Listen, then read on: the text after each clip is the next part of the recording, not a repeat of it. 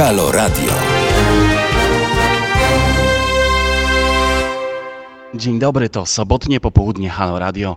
Ja nazywam się Jakub Dymek i razem z Piotrem Kurczewskim nadajemy dla Państwa specjalny program na żywo z ulicy Wiejskiej z Sejmu Rzeczpospolitej Polskiej, gdzie właśnie trwa konferencja pod tytułem Polemicznie o żołnierzach wyklętych. To chyba taki pierwszy program w krótkiej historii Halo Radio, gdzie jesteśmy na żywo naszą skromną, ale zwartą i gotową reporterską ekipą na Wiejskiej, gdzie możemy nadawać dla Państwa e, z Sejmu. E, W trakcie dzisiejszej konferencji, która właśnie trwa w sali imienia Konstytucji 3 maja tuż za nami, e, trwa właśnie e, dość e, żywiołowa, naukowa i publicystyczna debata na temat tego, czym kult żołnierzy wyklętych jest, co z tym faktem zrobić i jak naukowo historycznie spojrzeć, przyjrzeć się temu, jak wyglądała rzeczywistość powojennej Polski w jej całym skomplikowaniu.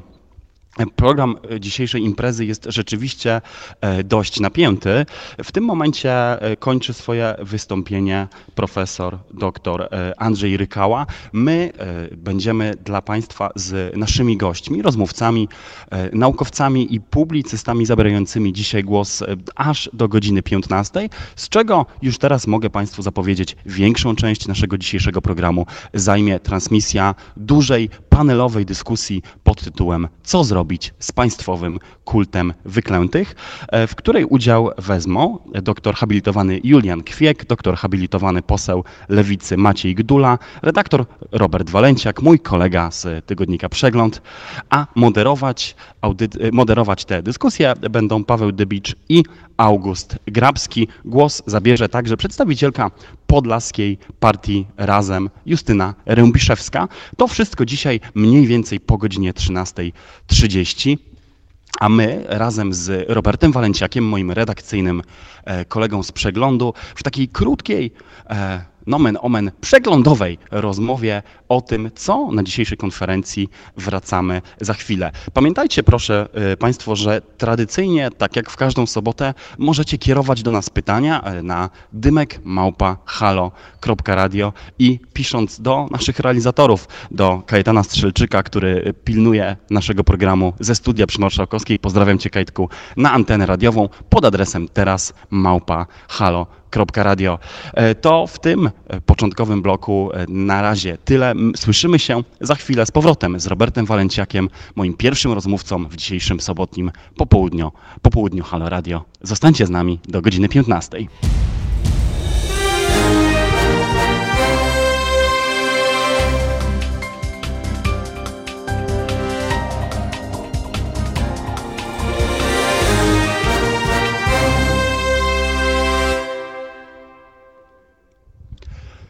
Jest godzina 13.12. Z tej strony Jakub Dymek. Jesteśmy z Piotrem Kurczewskim dla Państwa przy ulicy Wiejskiej w Sejmie, gdzie trwa konferencja polemicznie o żołnierzach wyklętych.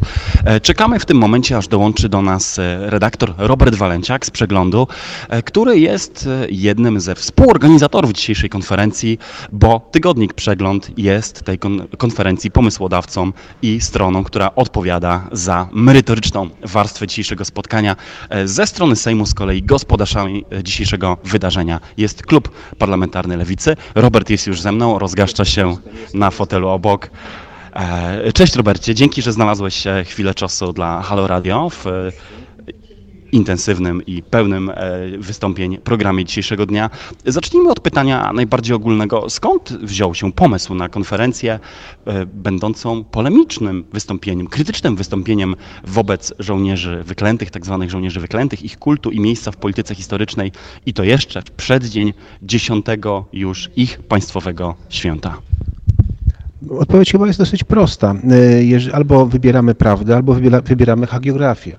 Jeżeli chcemy, e, żeby historia była historią, a nie była jakąś przykrywką do, do, do kultu, do oszukiwania się, do mówienia nieprawdy, to trzeba zacząć mówić tak, jak było. E, I to jest ten pomysł. Uważamy, że obecny kult żołnierzy wyklętych jest niezwykle szkodliwy w ogóle dla całego państwa i dla wszystkich, dla, dla, dla, dla narodu. Nie można, trzeba, tak jak mówił mówił to jeden z uczestników konferencji, trzeba oddzielić ziarno od plew. Wśród żołnierzy wyklętych byli bohaterowie, bezdyskusyjni, którym chylimy, przed którymi chylimy, chylimy czoło. Nil. To jest, nie, nie ma o czym, o, czym, o czym po prostu rozmawiać. Pilecki. Natomiast są też ludzie, no, no którzy obrażają, stojąc obok Nila czy stojąc obok Pileckiego, obrażają ich, bo naprawdę no, trudno, trudno, trudno nazwać bohaterem Burego, który, który mordował niewinną ludność cywilną, czy Kurasia. Trzeba o tych ludziach powiedzieć prawdę. To jest ten pomysł. To jest cała idea związana z konferencją. Mówimy prawdę. Mówimy i o bohaterach, mówimy o zbrodniarzach, mówimy kim byli jedni, kim byli drudzy jak, jak, jak, jak przebiegał proces historii. Czy dlaczego część środowiska tych, którzy poszli do lasu, przekształciła się w zwykłych bandytów. I mówimy też o tym, jakie były ich, mówię w nawiasie, dokonania, jakie były ich zbrodnie. To jest, jeżeli naród chce być normalny, chce być normalny psychicznie, nie może żyć mitami, nie może żyć nierzeczywistością. Musi umieć zderzyć się z prawdą, chociaż ta prawda czasami dla niektórych może być bardzo niemiła.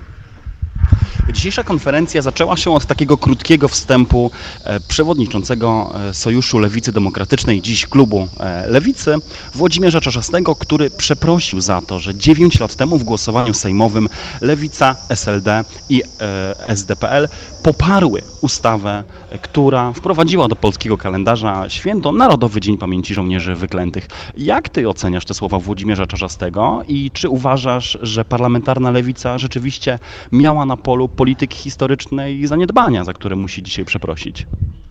Uważam zdecydowanie, że parlamentarna lewica wówczas się skompromitowała. Znaczy przestała być lewicą, no, abdykowała.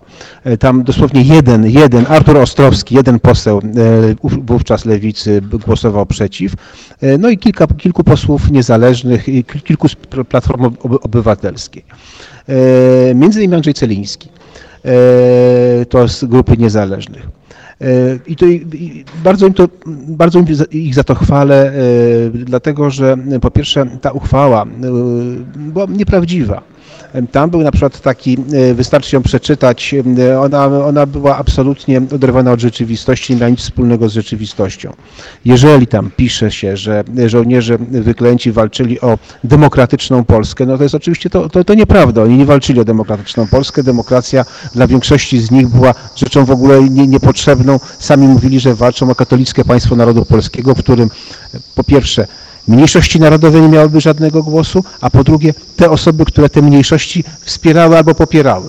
No, czyli ograniczali tę demokrację do siebie, no, tylko i wyłącznie. No, to jest jeden z wielu przykładów jakby tego, te, te, tego wszystkiego. Więc to oczywiście ta uchwała była niemądra, nieprawdziwa i część za to, że część chylę czoło przed tą grupką posłów, która wówczas była przeciw, no i bardzo z uznaniem przyjmuję deklarację, dzisiejszą deklarację Włodzimierza Czarzastego, który przeprosił, przeprosił w imieniu klubu Lewica za, za, za tamto głosowanie, bo ono było po prostu kompromitujące.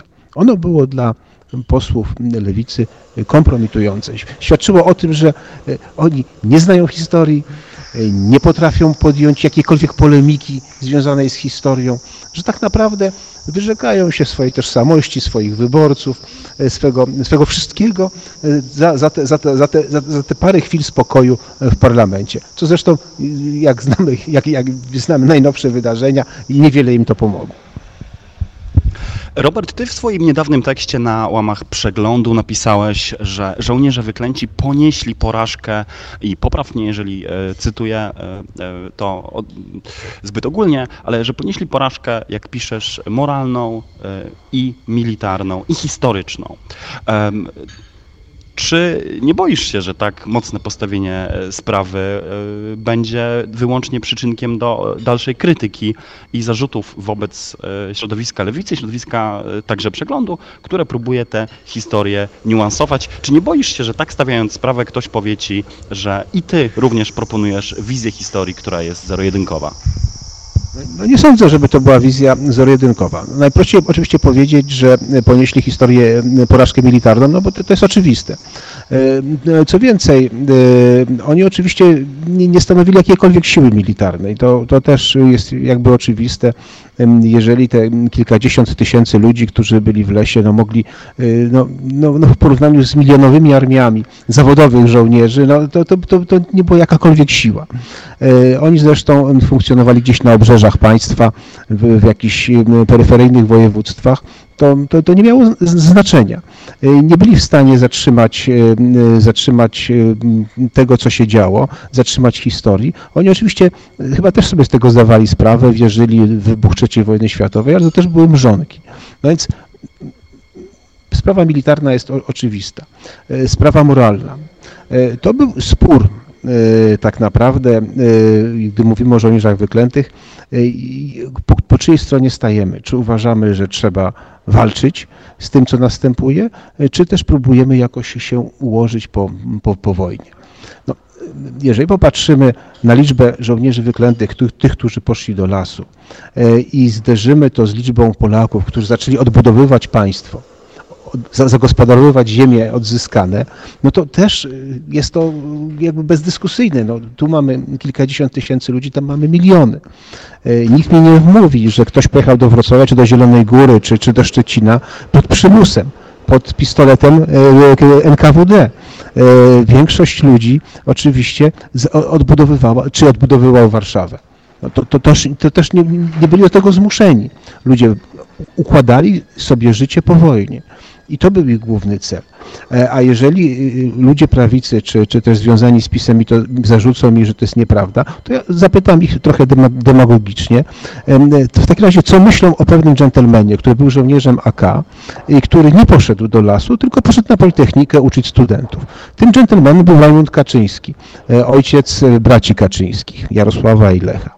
I teraz pytanie, niech odpowiedzą, czy wybór Kaczyńskiego wówczas to, było, to był mądry wybór, on wykazał mądrość, czy też jest tchórzem? Ja uważam, że wykazał mądrość. E, I oczywiście e, to, to, to, wszystko e, nie powinno prowadzić do absolutnego potępienia wyklętych. To jest y, wspaniała książka Stefana Korbońskiego, wybitnego y, działacza PSL, współpracownika Mikołajczyka y, w imieniu Kremla, który opisuje bardzo subiektywnie zresztą, a to, to, też, to, też świat, to też daje siłę tej książce, o tym jak Moskwa przejmowała władzę w Polsce, Moskwa i PPR.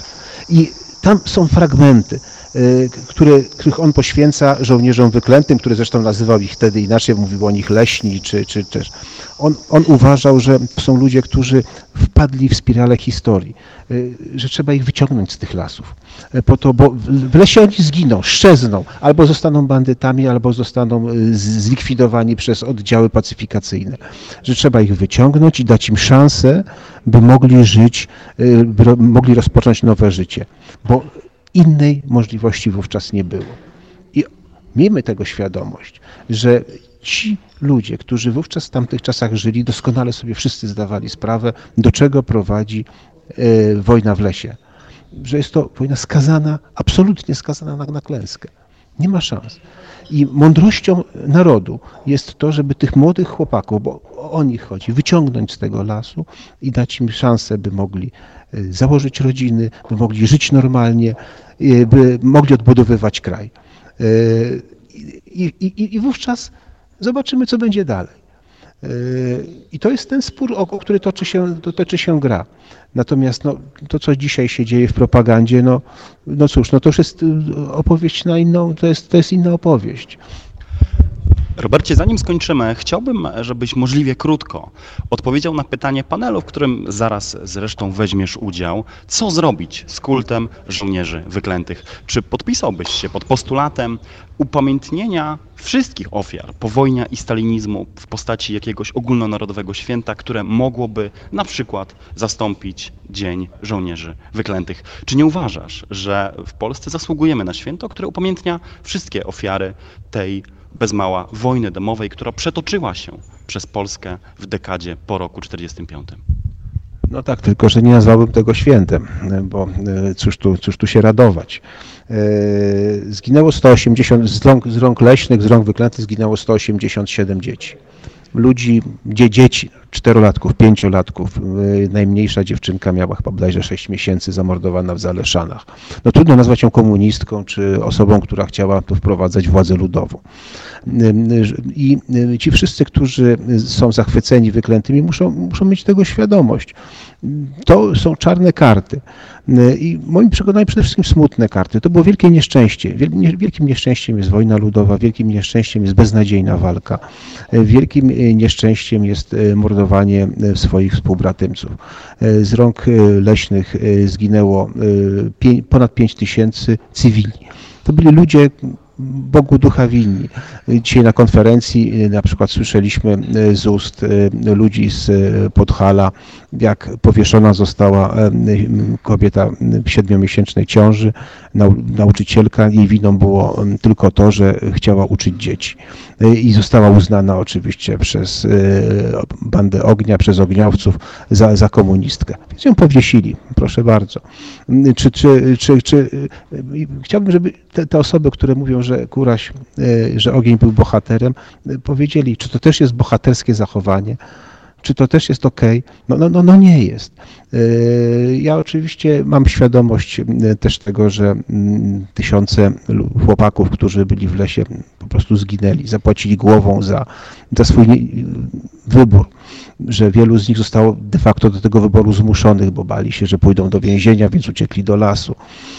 To, to jest nieszczęście historii i bardzo łatwo i mówić, że jedni byli bohaterami, drudzy byli zbrodniarzami. W Polsce Ludowej mówiono, że ci, którzy walczyli z wyklętymi byli bohaterami, a tamci to były bandy reakcyjne czy podziemie reakcyjne. Teraz mówi się zupełnie odwrotnie. To wszystko jest naprawdę tak, tak jak spojrzymy na to z pewnego dystansu, bez sensu. Powinniśmy uznać, że to było po prostu wielkie nieszczęście i wyciągnąć z tego nieszczęścia jakieś, jakieś, jakieś mądre wnioski. A dla mnie i jeszcze jedna rzecz, taka ostatnia, ale myślę, że o tym musimy wszyscy pamiętać. Dla mnie takimi osobami godnymi dobrej pamięci są ci, którzy odbudowywali kraj. O nich się nie mówi, jakby ich wysiłek się lekceważy, ale bez tego, bez tych, którzy odgruzowywali Warszawę, odgryzowywali Wrocław, zagospodarowywali tamte, tamte ziemie, Polska naprawdę by nie wyglądała tak jak teraz. Bardzo Ci dziękuję, Robercie. Był z nami Robert Walenciak, redaktor tygodnika Przegląd, jeden ze współorganizatorów dzisiejszej konferencji o żołnierzach wyklętych w Sejmie RP. Nie trzymam Cię dłużej, Robert, wiem, że musisz biec na panel, a my do Państwa z bezpośrednią transmisją z dyskusji panelowej z dzisiejszej konferencji o żołnierzach wyklętych w Sejmie RP wracamy za chwilę. Halo Radio. Gadamy i trochę gramy.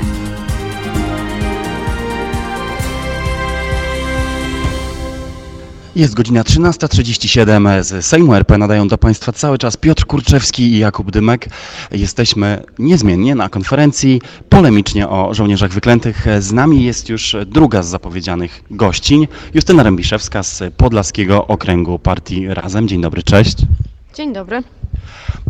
Powiedz mi, czy uważasz, że te przeprosiny, od których zaczęła się dzisiejsza konferencja w wykonaniu przewodniczącego Czarzastego, który powiedział, przyznał się niejako, że parlamentarna lewica miała swoje grzechy w dziedzinie polityki historycznej, to jest twoim zdaniem taki znak tego, że coś się jednak zmienia i na polu polityki historycznej lewica, nowa lewica w Sejmie będzie miała dużo do zrobienia i już zaczyna to robić?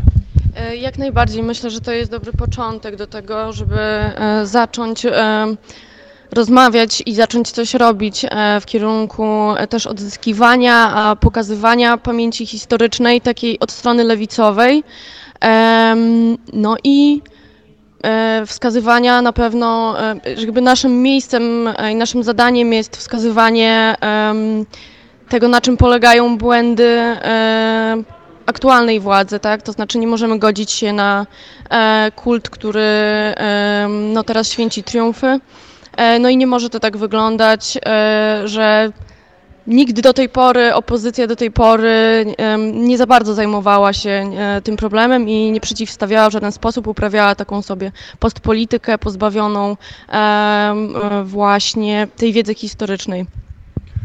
Ty reprezentujesz na dzisiejszej konferencji e, głos Podlasia, e, regionu, który został w jakiś sposób, e, chyba trzeba to powiedzieć, szczególnie dotknięty działaniem, działaniem powojennej partyzantki. Region, który był w tej wojnie domowej, która przetoczyła się przez Polskę, szczególnie dotknięty i szczególnie skomplikowane były losy mieszkańców, mieszkanek Podlasia. Powiedz w kilku słowach naszym słuchaczom, jak wygląda ta perspektywa i co będziesz chciała dzisiaj w dyskusji panelowej poruszyć?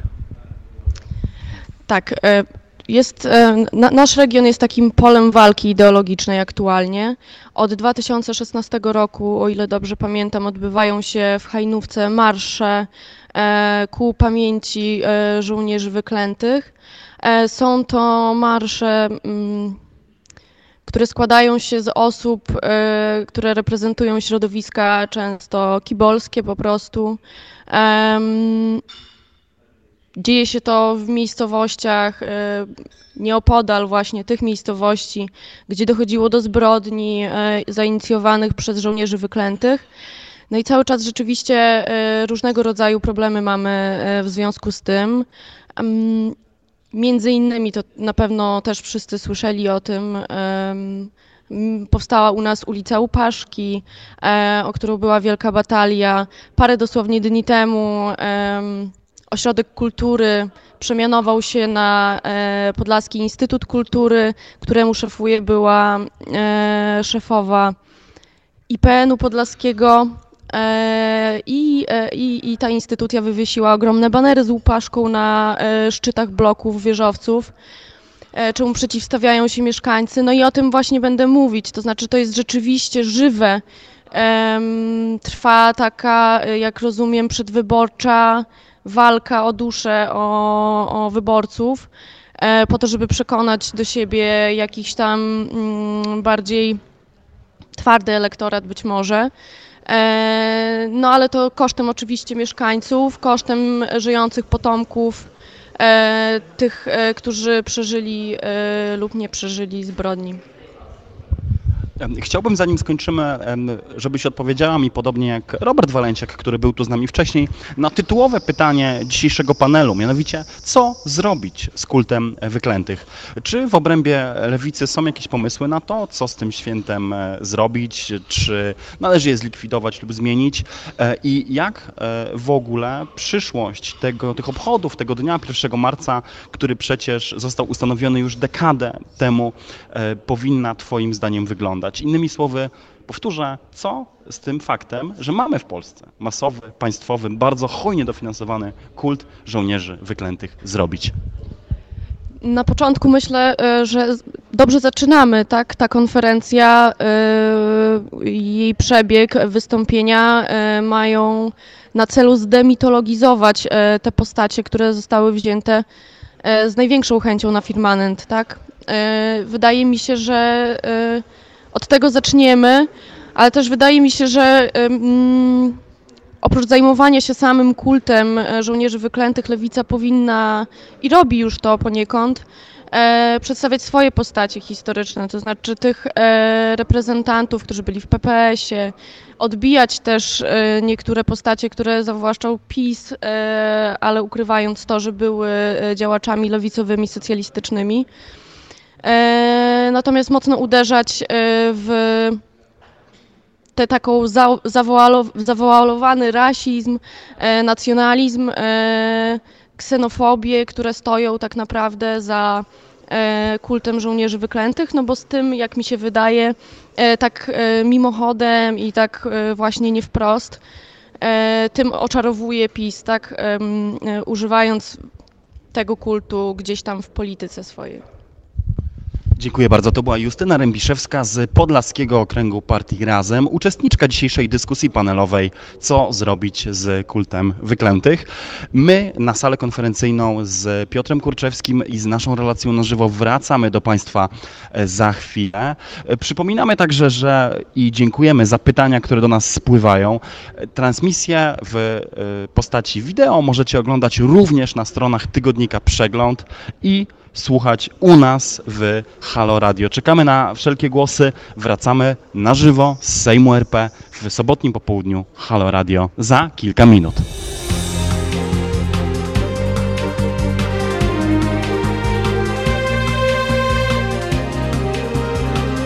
Halo Radio. Jakub Dymek i Piotr Kurczewski z ulicy Wiejskiej z Sejmu, gdzie trwa konferencja polemicznie o żołnierzach wyklętych.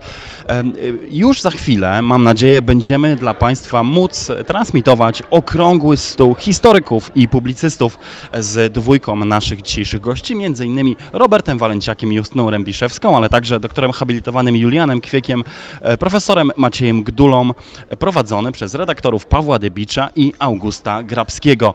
To wszystko e, już za chwilę na antenie Halo Radio, a ja w takim krótkim E, moim autorskim publicystycznym przerywniku chciałbym Państwu opowiedzieć o, o tym, dlaczego właściwie dzisiaj jesteśmy w Sejmie i dlaczego musi ta konferencja się odbywać. Otóż równo 10 lat temu, gdy prezydentem był jeszcze Lech Kaczyński, e, jeden z jego ministrów w jego kancelarii, e, znany dzisiaj z pełnienia tego samego urzędu, młody Andrzej Duda, dostał zadanie przygotowania i przeprowadzenia projektu uchwalenia nowego Narodowego Święta, e, znanego dzisiaj jako Narodowy Dzień Pamięci Żołnierzy Wyklętych właśnie. Ten projekt e, e, został przygotowany rzeczywiście bardzo szybko i zreferowany przez prezydenckich ministrów, natomiast tragedia w Smoleńsku przerwała rzecz jasna kandydaturę, prezydenturę Lecha Kaczyńskiego i projekt naturalnie musiał E, albo zostać dyskontynuowany, albo podjęty przez kolejną administrację. Stało się to drugie. E, Bronisław Komorowski, gdy objął urząd prezydencki, postanowił pracę swojego poprzednika kontynuować i ten projekt trafił już w 2011 roku do Sejmu, tu gdzie dziś jesteśmy na ulicę Wiejską, gdzie przeszedł, drodzy Państwo, głosami zdecydowanej, ba, można powiedzieć wręcz całkowitej większości parlamentarnej za przegłosowaniem Narodowego Dnia Pamięci Żołnierzy Wyklętych. Wtedy w 2011 roku było 97,5% głosujących posłów. Wyniki wyglądały tak, że za było 406 posłów i posłanek, a przeciw zaledwie 11. W tym wszystkie właściwie kluby parlamentarne z nielicznymi dosłownie wyjątkami, takimi jak Andrzej Celiński czy Kazimierz Kuc, o których mówił w pierwszej części dzisiejszej audycji mój gość Robert Walenciak. Ustawa przeszła natychmiastowo, Senat nie zgłosił żadnych poprawek, i jeszcze w tym samym roku e, urzędujący wtedy prezydent Bronisław Komorowski ustawę podpisał. I tak, święto e, dziś tak e, hucznie i e, z wielką pompą obchodzone weszło do polskiego e, kalendarza, aż e, trudno, aż dziw E, pomyśleć, że niegdyś była to inicjatywa niszowa, dość skromna, uchodząca za pewne historyczne hobby grupki polityków, działaczy i historyków prawicy, e, gdy zobaczyć, co dzisiaj na ulicach polskich miast się dzieje, jak fetowany jest ten dzień, jak istotną, istotnym elementem polityki historycznej nie tylko rządzącej partii, ale całego państwa polskiego stał się kult żołnierzy wyklętych. O tym, e, co z nim zrobić, e, jak powinna się wobec tego zachowywać dzisiejsza opozycja, czyli cała nieprawicowa strona e, parlamentarnej debaty i jakie są różne polemiczne stanowiska historyków, porozmawiamy, a właściwie usłyszymy na żywo z Sejmu z debaty, która zaczyna się tu w sali pod patronatem Konstytucji 3 maja już za chwilę. My wracamy do Państwa za kilka minut.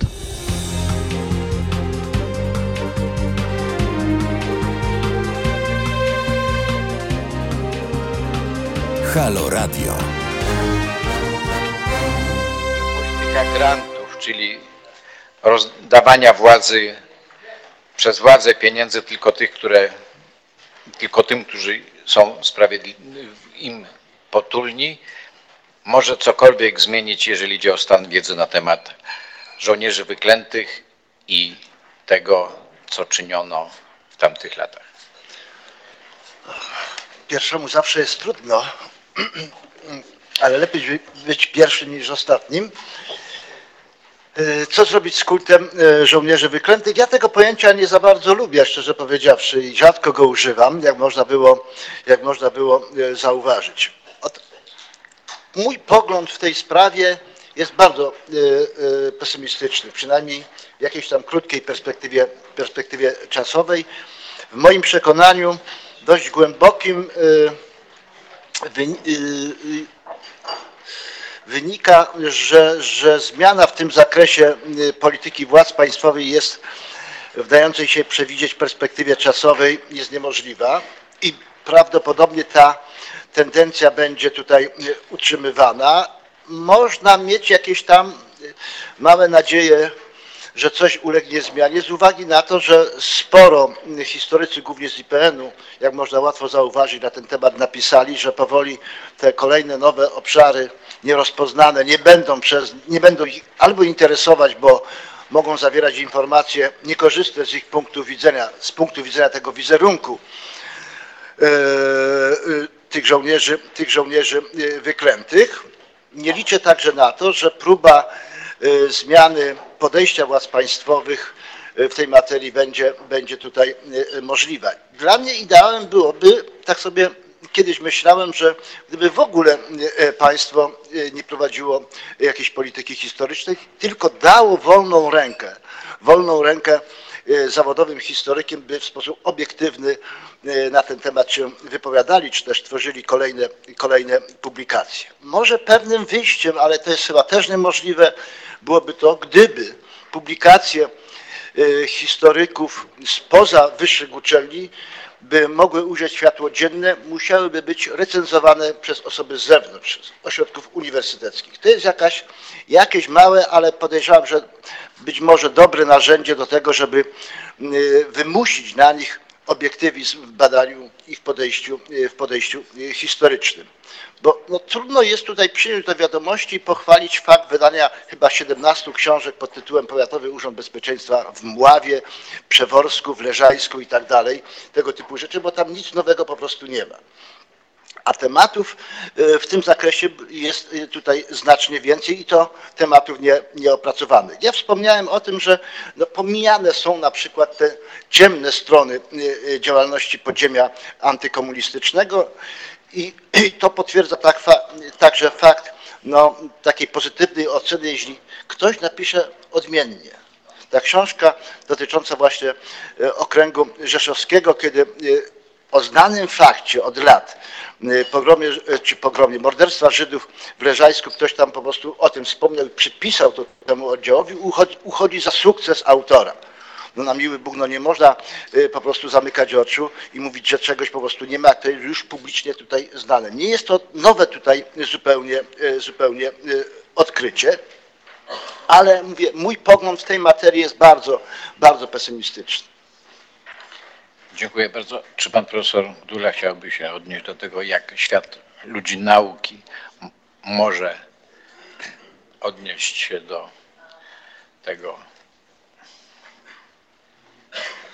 Ja jestem bardzo krytyczny, jeżeli chodzi o funkcjonowanie IPN-u i o politykę historyczną. I ze względów szczegółowych, to znaczy, że mamy do czynienia, jak tutaj było zresztą podczas konferencji pokazywane, z pewnymi przeinaczeniami, jeżeli chodzi o y, sposób podejścia, zwłaszcza do tematów trudnych. Na przykład mówi się o ludziach współpracujących z NKWD, kiedy y, mamy do czynienia z ofiarami wśród dzieci. Nie? To, to, są, to są rzeczy takie dość y, oczywiste, oczywiste nadużycia, których dokonują historycy, którzy są bliscy obozowi władzy.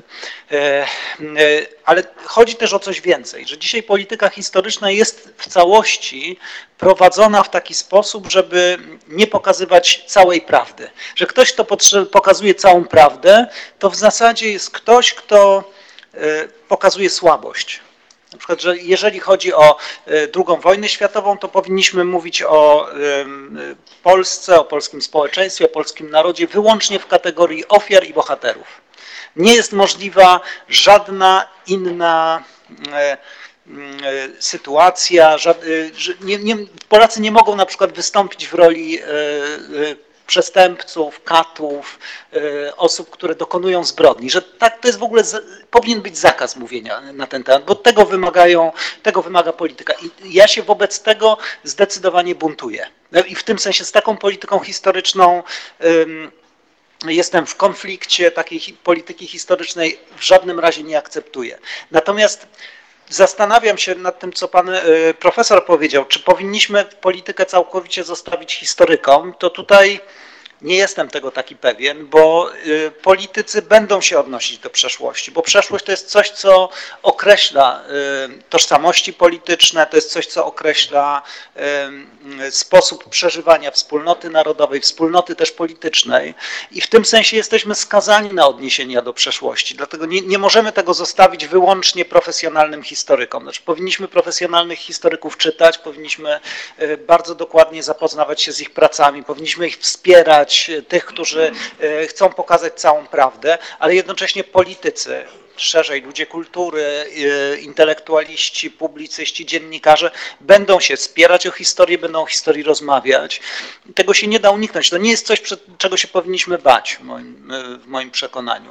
Raczej jest tak, że też mm, pewien rodzaj sporów też sprawia, że my definiujemy się politycznie. E, dzisiaj moim, moim zdaniem spór jest o to, czy w ogóle chcemy mówić o przeszłości prawdziwie, czy chcemy ją mitologizować, czy chcemy e, mówić o, o narodzie jako wspólnocie odpowiedzialnej, też odpowiedzialnej w tym sensie, że jest w stanie wziąć odpowiedzialność za, e, za ciemne karty swojej historii, czy będziemy żyć w społeczeństwie, które jest naiwne, które jest przekonane o tym, że jest tylko niewinną ofiarą bądź rycerzem bez No to, to, jest, to jest realna linia podziału. Ja nie mogę, nie mogę powiedzieć, że zostawmy rzeczy historykom w, tym, w tej kwestii. Nie, to my się będziemy też o to spierać, wszyscy.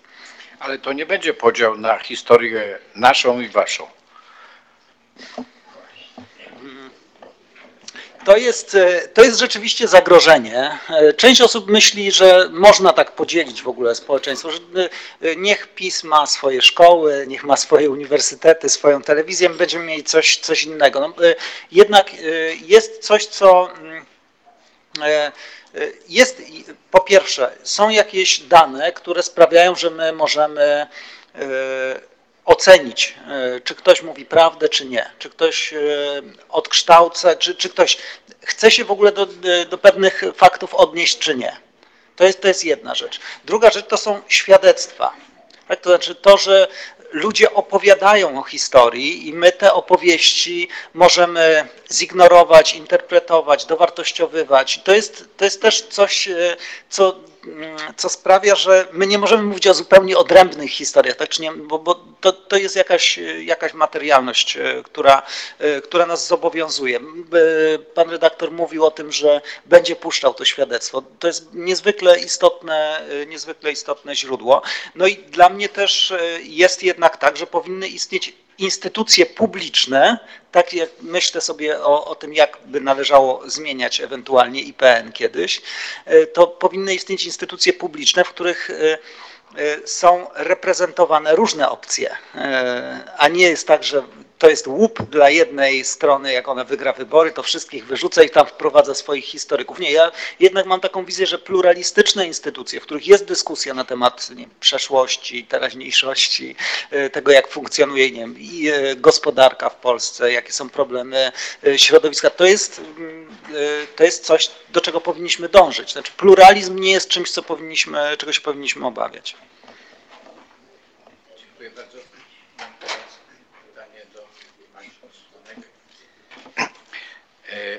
W jaki sposób lewica, również ta lewica parlamentarna, może przeciwstawić się temu państwowemu, to trzeba powiedzieć, powszechnemu kultowi wyklętych, całkowicie niezasłużenie.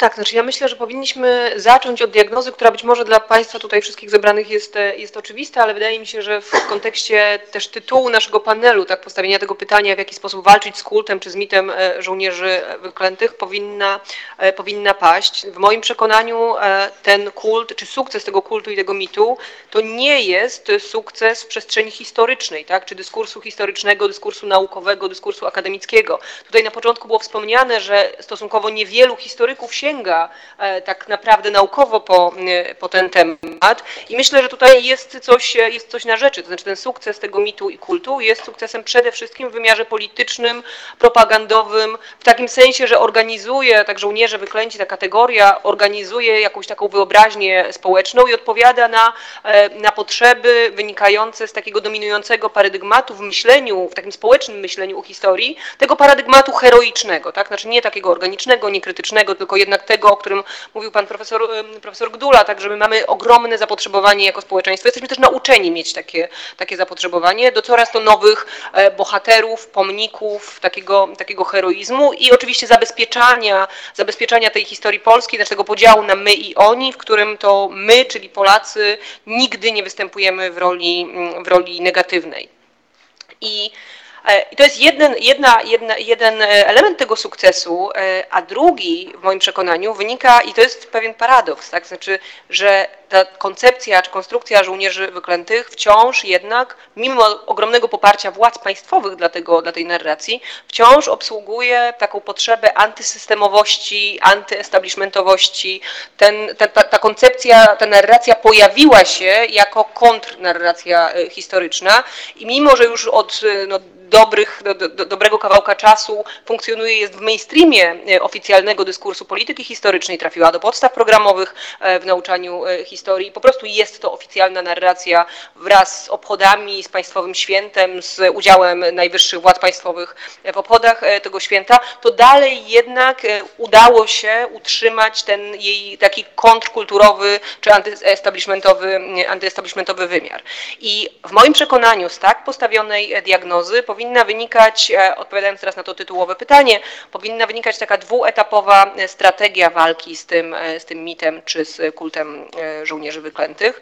Pierwszy etap, one są, to nie jest kwestia chronologii, tak, tylko raczej po prostu takiego, takiego analitycznego rozdzielenia. Z jednej strony to, co robimy tutaj dzisiaj przez cały dzień tak naprawdę, znaczy krytyka i dekonstrukcja tego mitu, odsiewanie tak, bohaterów ewentualnych od, od ewidentnych e, zbrodniarzy, wskazywanie na takie instrumentalne wykorzystanie e, narracji historycznej przez, e, przez władzę polityczną, wskazywanie na źródła chociażby tego, tego konstruktu, jakim są żołnierze wyklęci. To nie jest, tak, to nie jest historyczny konstrukt uznany w debacie historycznej od wielu, od wielu lat, tylko gdzieś wymyślony w latach 90. wór, do którego wpakowano wpakowano to, e, całe, całe to podziemie. W sensie takie, taka dekonstrukcja, obalanie i krytyka e, tej, e, tej narracji. I tutaj myślę, że polem głównym, jaki, na jakim powinno się to odbywać, jest z jednej strony debata akademicka, wspieranie takich inicjatyw krytycznych historyków, żeby jednak sięgali po, po ten temat, a z drugiej strony ewidentnym, ja mam oczywiście jakby zawodowe skrzywienie, zajmuję się edukacją, więc, więc stąd pewnie też, też takie wskazanie, ale myślę, że szkoła, tak, czy nauczanie z całą pewnością mogłoby być tym miejscem, w którym dekonstruuje się ten mit. Problem polega na tym, że w świetle obecnych władz, obecnych decyzji, obecnej reformy, reformy programowej, no akurat żołnierze wyklęci są wyciągnięci na piedestał i w zasadzie rzutują na całą narrację historyczną, jaka jest obecna e, w, w nauczaniu w tej chwili. Ale tak czy inaczej myślę, że ponieważ szkoła, edukacja jest tą przestrzenią, w której powinno się nabywać także umiejętności krytycznego myślenia o własnej historii, historii, o własnej wspólnocie, o własnym, e, o własnym doświadczeniu mm, tej wspólnoty, to tutaj, to tutaj taki krytyczno-dekonstrukcyjny potencjał bym widziała. Ale wydaje mi się także, że to nie wystarczy. To znaczy nawet najskuteczniejsza dekonstrukcja i krytyka mitu żołnierzy wyklętych nie sprawi, że ten sukces e, w wyobraźni społecznej uda się, uda się jakoś odwrócić. Ja jednak sądzę, że konieczna jest próba zbudowania jakiejś alternatywy. To znaczy, z jednej strony zgadzam się oczywiście i z wypowiedzią pan, panów profesorów, że, e, że, że polityka, że historia powinna być domeną historyków, a nie polityków, ale ponieważ tak nie jest, tak, ponieważ jesteśmy już w 2020 roku w takiej sytuacji, w której polityka historyczna, prawicowa polityka historyczna jest bardzo mocno zakorzeniona, to jeżeli chcemy w jakiś sposób się jej przeciwstawiać, to samą dekonstrukcją i krytyką za wiele tutaj nie zwojujemy. To znaczy istnieje e, w społeczeństwie potrzeba bohaterów, istnieje potrzeba takiego heroicznego dyskursu i jako lewica albo nauczymy się go obsługiwać, albo będziemy zawsze stać na takich pozycjach ewentualnych komentatorów czy, e, czy krytykanstwa.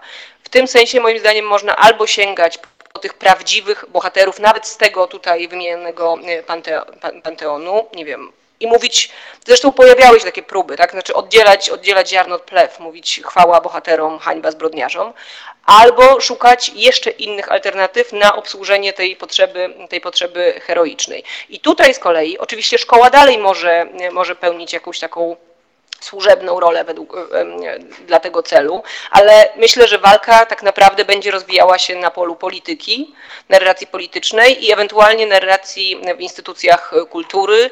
Jak tutaj uniknąć tego ryzyka, żeby dzielić, żeby, żeby tego, tego ryzyka, które tutaj było wspomniane już, żeby była nasza historia, wasza historia, nasi bohaterowie, wasi bohaterowie.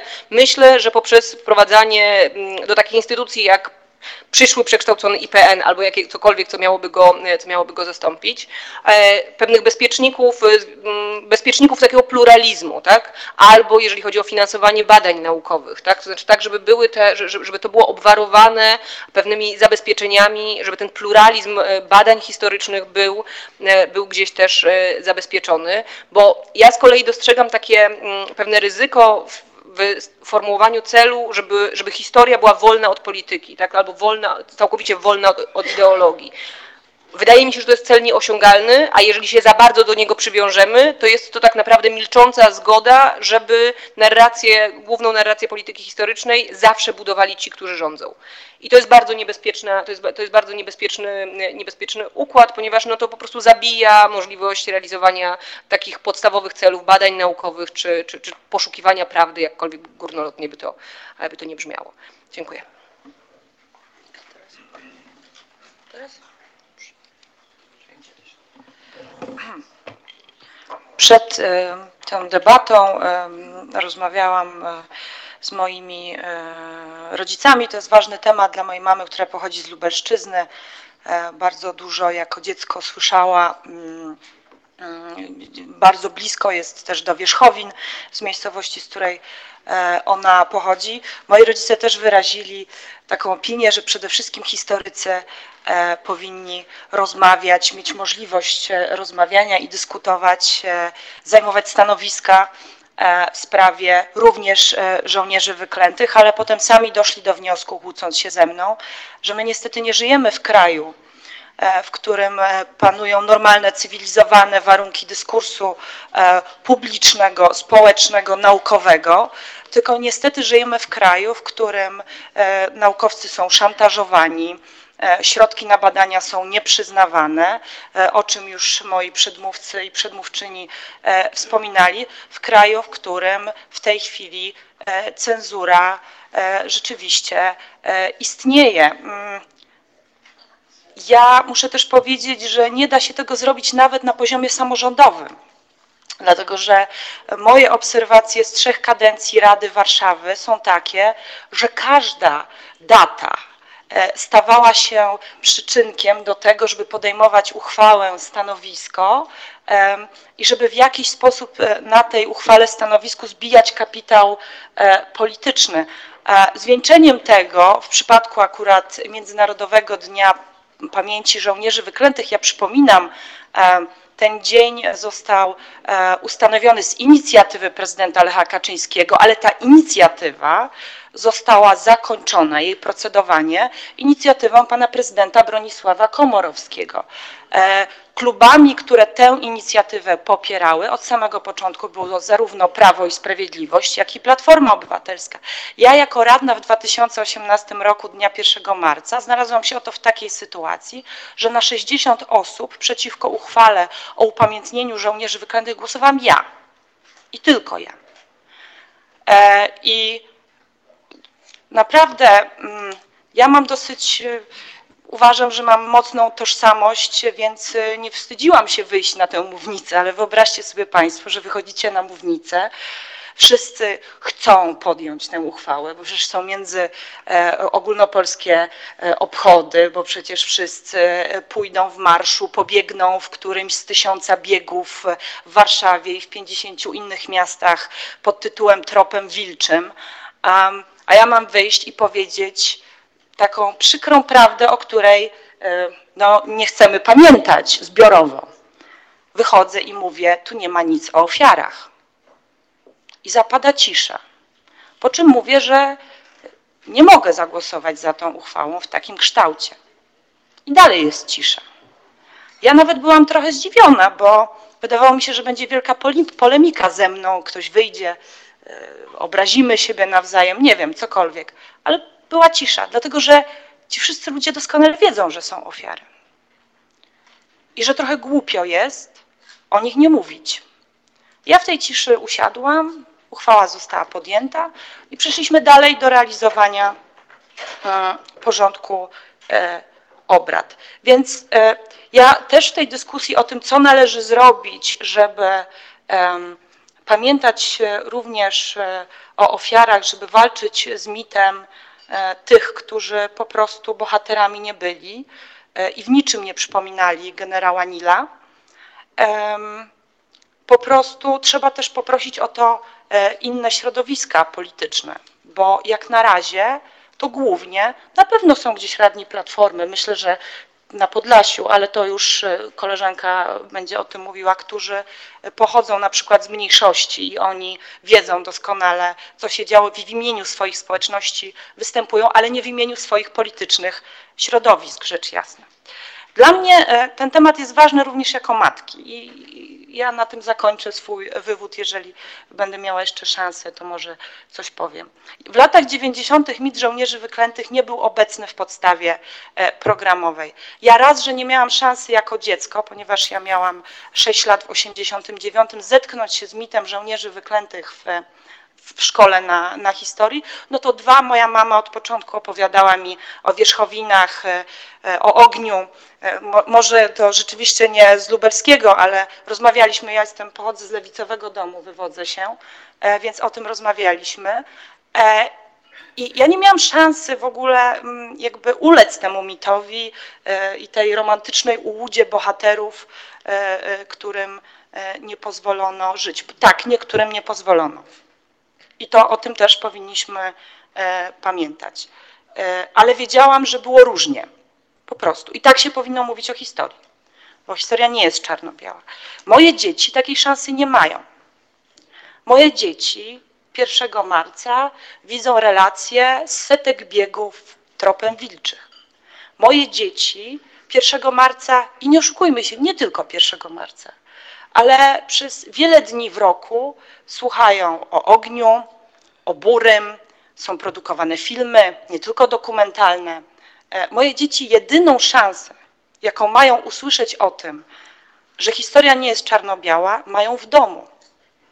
Ale ile osób ma rzeczywiście wiedzę, niezbędny kapitał kulturowy oraz, i tutaj wykładowcy na pewno się ze mną zgodzą, umiejętności przekazywania wiedzy i korzystania ze źródeł krytycznych, żeby rzeczywiście dzieci mogły o tym pomyśleć, przemyśleć i zderzyć się ze swoimi kolegami i koleżankami, którzy 1 marca, mając 6 miesięcy, rok, dwa lata, ubierani są w koszulki e, poświęcone żołnierzom e, i żołnierkom wyklętym.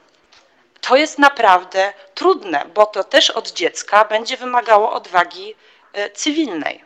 Taka jest prawda. Jeżeli ktoś ma dzieci, no to wie, że to jest trudno zmierzyć się z rówieśnikami i powiedzieć, nie, to nie jest mój bohater. Zwłaszcza w Polsce, w której no, jak już zostaje się bohaterem, to bez względu na to, co się zrobi, to tym bohaterem bardzo trudno przestać być, mimo że wszyscy wiemy, jak to z bohaterami bywa. Ja bym chciała, żeby klub Lewicy, i, i tę nadzieję pokładam w moich koleżankach i kolegach z klubu parlamentarnego, e, niósł pamięć o ofiarach. E, mam nadzieję, że opozycja wygra wybory i będzie mogła stworzyć przestrzeń żeby było jak w normalnym, cywilizowanym kraju dla historyków i publicystów i żeby moje dzieci mogły pójść na konferencję, y, na którą nie będzie nikt musiał się, na której nikt nie będzie musiał się ukrywać, y, która nie będzie obwarowana pięćdziesięcioma różnymi nakazami, żeby po prostu mogły pójść na Uniwersytet Warszawski i posłuchać również o ofiarach żołnierzy wyklętych. I mam nadzieję, że z pomocą e, Klubu Parlamentarnego Lewicy oraz Państwa tutaj e, jakoś e, ten pesymizm przełamiemy i, i zmienimy tę sytuację. Dziękuję bardzo. Dziękuję Pani Paulinie. Pięknie Więckiewicz. Teraz poproszę o wypowiedź panią Justynę Rąbiszewską. Dziękuję. Dzień dobry. Ja być może przedstawię taką bardziej lokalną perspektywę, ponieważ jestem z Białego Stoku, działam e, w Razem Białostockim, Podlaskim właściwie, okręgu precyzyjniej. No i nasz region, jak Państwo się domyślacie, jak zresztą zostało tutaj wspomniane i były przywoływane miejscowości e, podczas e, całego tego spotkania, całej konferencji, Nasz region jest takim poligonem e, na co dzień e, walki ideologicznej. E, narzędzia do tego ma oczywiście Prawo i Sprawiedliwość. Kilka dni temu, już jakiś czas temu WOAK został przekształcony w Podlaski Instytut Kultury i tej jednostce szefuje szefowa, która była szefową białostockiego IPN-u. No i Parę dni temu zawisły takie ogromne banery na blokach, e, na szczytach bloków e, w Białymstoku e, z wizerunkiem łupaszki. I mieszkańcy, mieszkańcy tego bloku oczywiście się temu przeciwstawili. To znaczy, nie wiem czy oczywiście, to jest też być może fenomen, który warto podkreślić, tak, że jednak ludziom to nie jest obojętne, co wisi na ich blokach. I dopóki jest to wizerunek pretendującego, kandydującego e, posła, to, to jeszcze w porządku, ale kiedy jest to upaszka, to już mniej. E, I e, dosłownie dwa dni temu w Podlaskim Urzędzie Wojewódzkim też została zorganizowana wystawa. Nie z okazji ogólnie Dnia Żołnierzy Wyklętych, tylko historia Łupaszki, czyli cała wystawa poświęcona jednej postaci. No I można się zastanawiać oczywiście, dlaczego akurat mm, te, te najbardziej wyraziste, tak eufemistycznie już mówiąc, postaci są brane na firmament. No moim zdaniem to jest, e, to jest e, zawoalowanie e, tych wartości PiSu, tak? To znaczy za, za tymi zbrodniami też stoją ksenofobia, nacjonalizm, i to wszystko, co, co z czym e, chyba my tutaj, jak jesteśmy, wszyscy jesteśmy zgodni, PiS się utożsamia, czy prawica się utożsamia. I co, może, co, co my w ogóle możemy zrobić z tym kultem?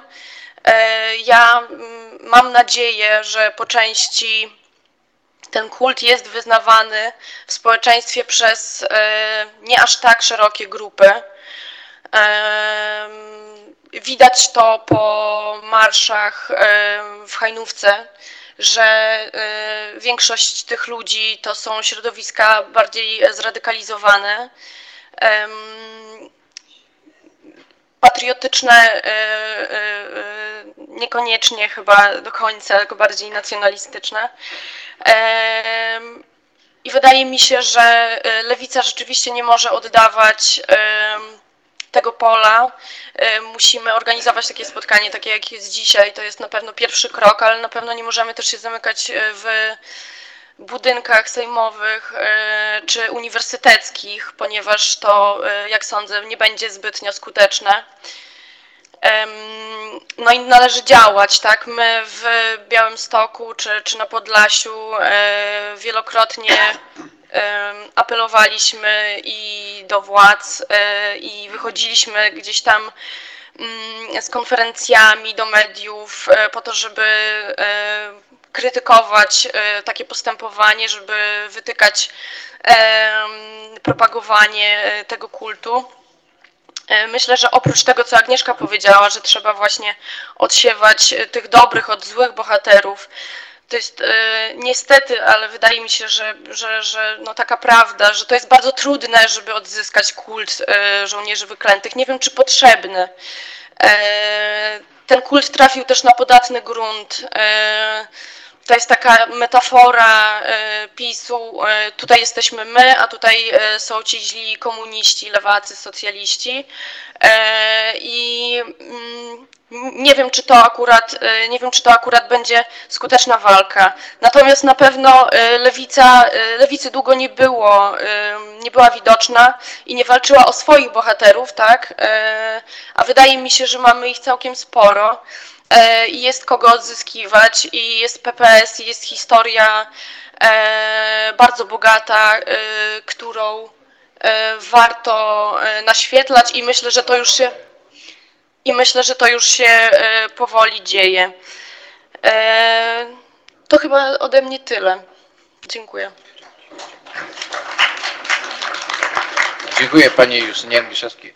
Proszę Państwa, myślę, że pora jest po wypowiedzi pani poseł, zaprezentowanie tego nagrania świadka zbrodni.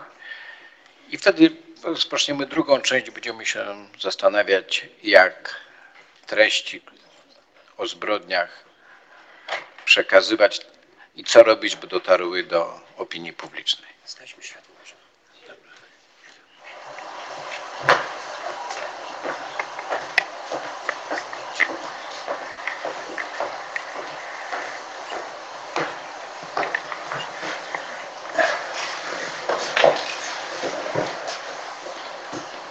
Dzień dobry.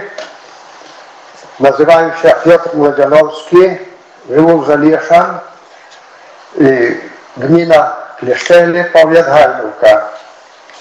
I chcę rozkazać trochę, co pamiętają o tragedii w Zalieszanach w 46 roku, rokowy, w 29 stycznia. Rano Батько встав і пішов вправлятися, подавати коровам. І приходить до хати і каже, щось не в порядку, якесь військо в селі. І пізніше вийшов на двор і дивиться, стоїть жовніш з карабіном. І стоїть, де, де chcesz, з повротем. І батько вернувся, село обставлене, і приходить до хати, ой, каже, біда, дітки. І бачимо, іде трьох. Один зостався на дворі, а двох вийшло до хати. Просить один і, води і мила, щоб і, побритися. Попросив хліба, і врізав кусок солонини і почав їсти, а пізніше кусок одрізав, і я сидів на печі. І взяв е, той кусок солонини і кинув для мене на піч. Маш єсть, каже. Я взяв той кусок солонини і почав їсти там, сидів на кучі. Той другий що, е, жовнір, що був коло його, каже, пані доводство, щось там е, почав говорити, то видно, це доводця їхні. Як відходили з хати, то кажуть, що вибираються всі на зібрання. Вже година 10 була, може 11. Пошли ми, повна хата людей. Вьоска була велика. І до однієї хати і старих, малих, і, і всіх позганяли. І входить жовнір всередину і кличе Дем'янюк Лукаш. А де то буде стріляв до вас? Прийшов другий раз Дем'янюк Петр, то син. І ще віз із Сиховиців кравець для якогось там шиття. Його злапали і його з тим Пьот, з, з сином взяли, завели до клуні, пороздягали і там постріляли їх.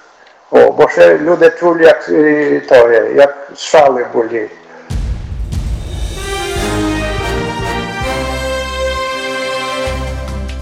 Halo Radio. Pierwsze medium obywatelskie.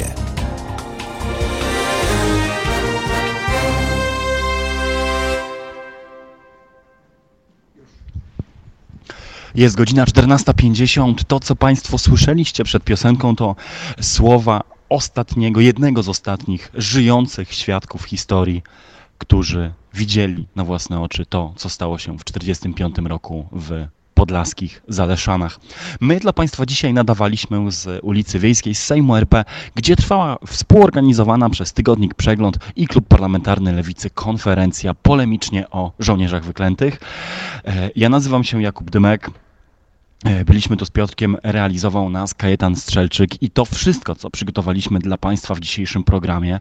E, mam nadzieję, że ten pierwszy, nawet jeżeli nieco eksperymentalny program na żywo z parlamentu nie będzie naszym ostatnim i że udało nam się Państwa z nami zatrzymać do godziny 15. My temat żołnierzy wyklętych i polityki historycznej na antenie Haloradia na pewno będziemy kontynuować, bo wiemy i mamy od Państwa takie sygnały, że jest to sprawa, która żywo Was interesuje. I słusznie, bo to, co dzieje się na arenie polityki historycznej w dzisiejszej Polsce, jest na pewno warte krytycznej analizy. Bardzo dziękuję wszystkim, którzy byli z nami, zarówno e, słuchając nas na żywo, na czacie, na YouTubie i gdziekolwiek Państwo jesteście. My słyszymy się tradycyjnie w naszym sobotnim popołudniu za tydzień o godzinie 13. Zostańcie z nami, my tymczasem zostawiamy Was i przekazujemy w bezpieczne ręce Mariusza Gzyla, który wraz ze swoimi gośćmi zaczyna program na żywo już za chwilę o godzinie 15. Dzięki, dobrego weekendu, bawcie się bezpiecznie. Pa!